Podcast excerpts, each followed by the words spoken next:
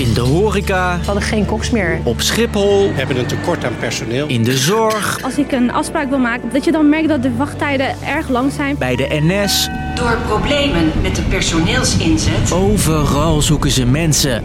Waar is al dat personeel gebleven?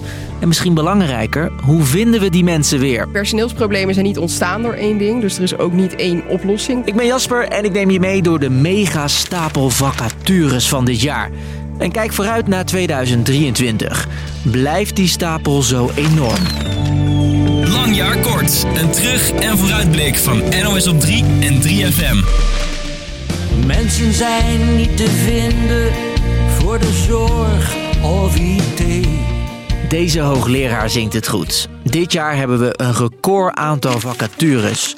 Op de grootste onderwijsvacaturesite zoeken ze nu zelfs twee keer zoveel mensen als vorig jaar. Normaal gesproken is het dan gewoon gelijk een vervanging, maar nu hebben we gewoon twee weken lang geen les gehad. En misschien herken jij deze verhalen ook wel. Het is bijna vecht om een stoeltje te bemachtigen. Ik heb ook al wel eens op een station gestaan waarbij de trein echt letterlijk te vol was om nog bij in te kunnen. Je trein rijdt niet of je staat de hele rit op elkaar geplakt.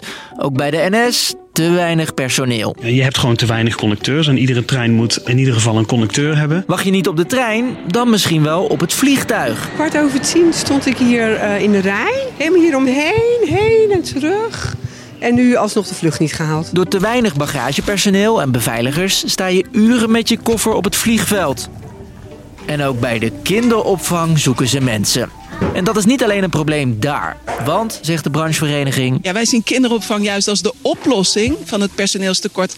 Want voor iedere pedagogisch professional kunnen zeven ouders aan het werk. Kinderen kunnen niet naar de opvang en dus zitten ook ouders thuis. Mijn vriendin moest ook naar de werk toe. Van ja, ik ga minder uh, kunnen werken. Is dat mogelijk? En ik ook uh, klanten die zeggen, uh, hebben leuk werk voor je. Dan moet ik zeggen, ja, ik weet niet of het gaat lukken.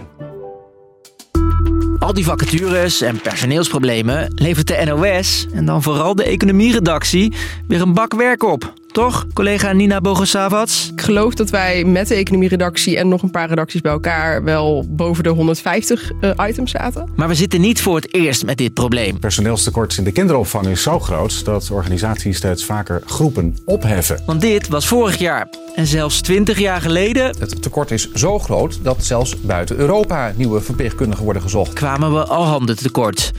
Wat zorgt er dan voor dat we dit jaar een record te pakken hebben? Ik geef een hint. Het begint met een C. We hadden nooit durven hopen dat corona zo snel voorbij was. En dat mensen vervolgens zoveel zouden gaan bestellen en gaan consumeren. Dus opeens was er veel meer vraag naar dingen en uh, niet opeens veel meer mensen. Maar waar is al dat personeel gebleven? Allereerst, we zijn kampioen deeltijd werken. Ik heb uh, volgens mij één jaar van mijn leven vol tijd gewerkt en het is niet zo goed bevallen. Dus sindsdien werk ik altijd 32 uur of minder. Ongeveer de helft van de Nederlanders werkt minder dan 36 uur per week. Veel mensen hebben een baan in Nederland, maar we werken niet heel veel uur per persoon. Zouden we met z'n allen wat meer uur gaan werken, dan kan je met hetzelfde aantal mensen ook banen meer vervullen. En dan is er nog de vergrijzing. De gemiddelde Nederlander is steeds ouder uh, en die gaat ook meer met pensioen. En er komen minder jonge mensen bij, dus dan vergrijst de boel. En al die oude mensen hebben ook meer zorg nodig. En daar heb je dan ook weer extra mensen voor nodig.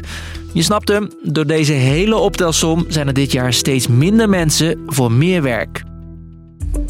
Als het zo door blijft gaan, als het tekort zo groot blijft en we krijgen dat niet opgelost op een of andere manier, ja, dan wordt het alleen maar erger. Je hoorde hier de NS. Daar maken ze zich al zorgen over volgend jaar. En dat is volgens Nina niet gek. 2023 wordt echt geen makkelijk jaar wat betreft de arbeidsmarkt en personeelstekorten. Er zijn nu iets minder vacatures, dus het ontspant allemaal wat meer. Maar we zijn er nog niet vanaf. Een van de oorzaken, de vergrijzing, die krijgen we niet zomaar opgelost. Maar hoe zit dat met deeltijdwerken? We weten ook als bijvoorbeeld in het onderwijs iedereen een paar uur langer werkt die niet fulltime werkt, dat je dan al bijna van het hele tekort aan leraren af zou zijn. Het kabinet denkt aan een bonus voor mensen in de zorg of het onderwijs die meer willen werken. Is niet iedereen enthousiast over. Als het niet hoeft uh, en je kan rondkomen en je kan lekker gaan fietsen, ja, dan doe ik liever dat. Ik weet niet of mensen harder of meer gaan werken met een bonus. Wat helpt dan wel? Dit hoort collega Nina van Deskundigen. Stimuleer het studeren aan bepaalde opleidingen of school mensen om, zodat je ook een ander beroep kan uitvoeren. En daarnaast zullen we ook met z'n allen een beetje geduld moeten gaan hebben, want ja, het probleem van de wachtrijden en tijden is uh, nog niet voorbij. Dus, lang jaar kort. De stapel vacatures was nog nooit zo hoog als dit jaar. Overal zoeken ze mensen. Voor nu lijkt het iets minder, maar voorlopig zijn we nog niet van het personeelsprobleem af. En kan je ook volgend jaar rekenen op langer wachten op ongeveer alles. Was er weer. Deze hele week maken we extra bonusafleveringen. Een klein eindejaarscadeautje van je favoriete podcast.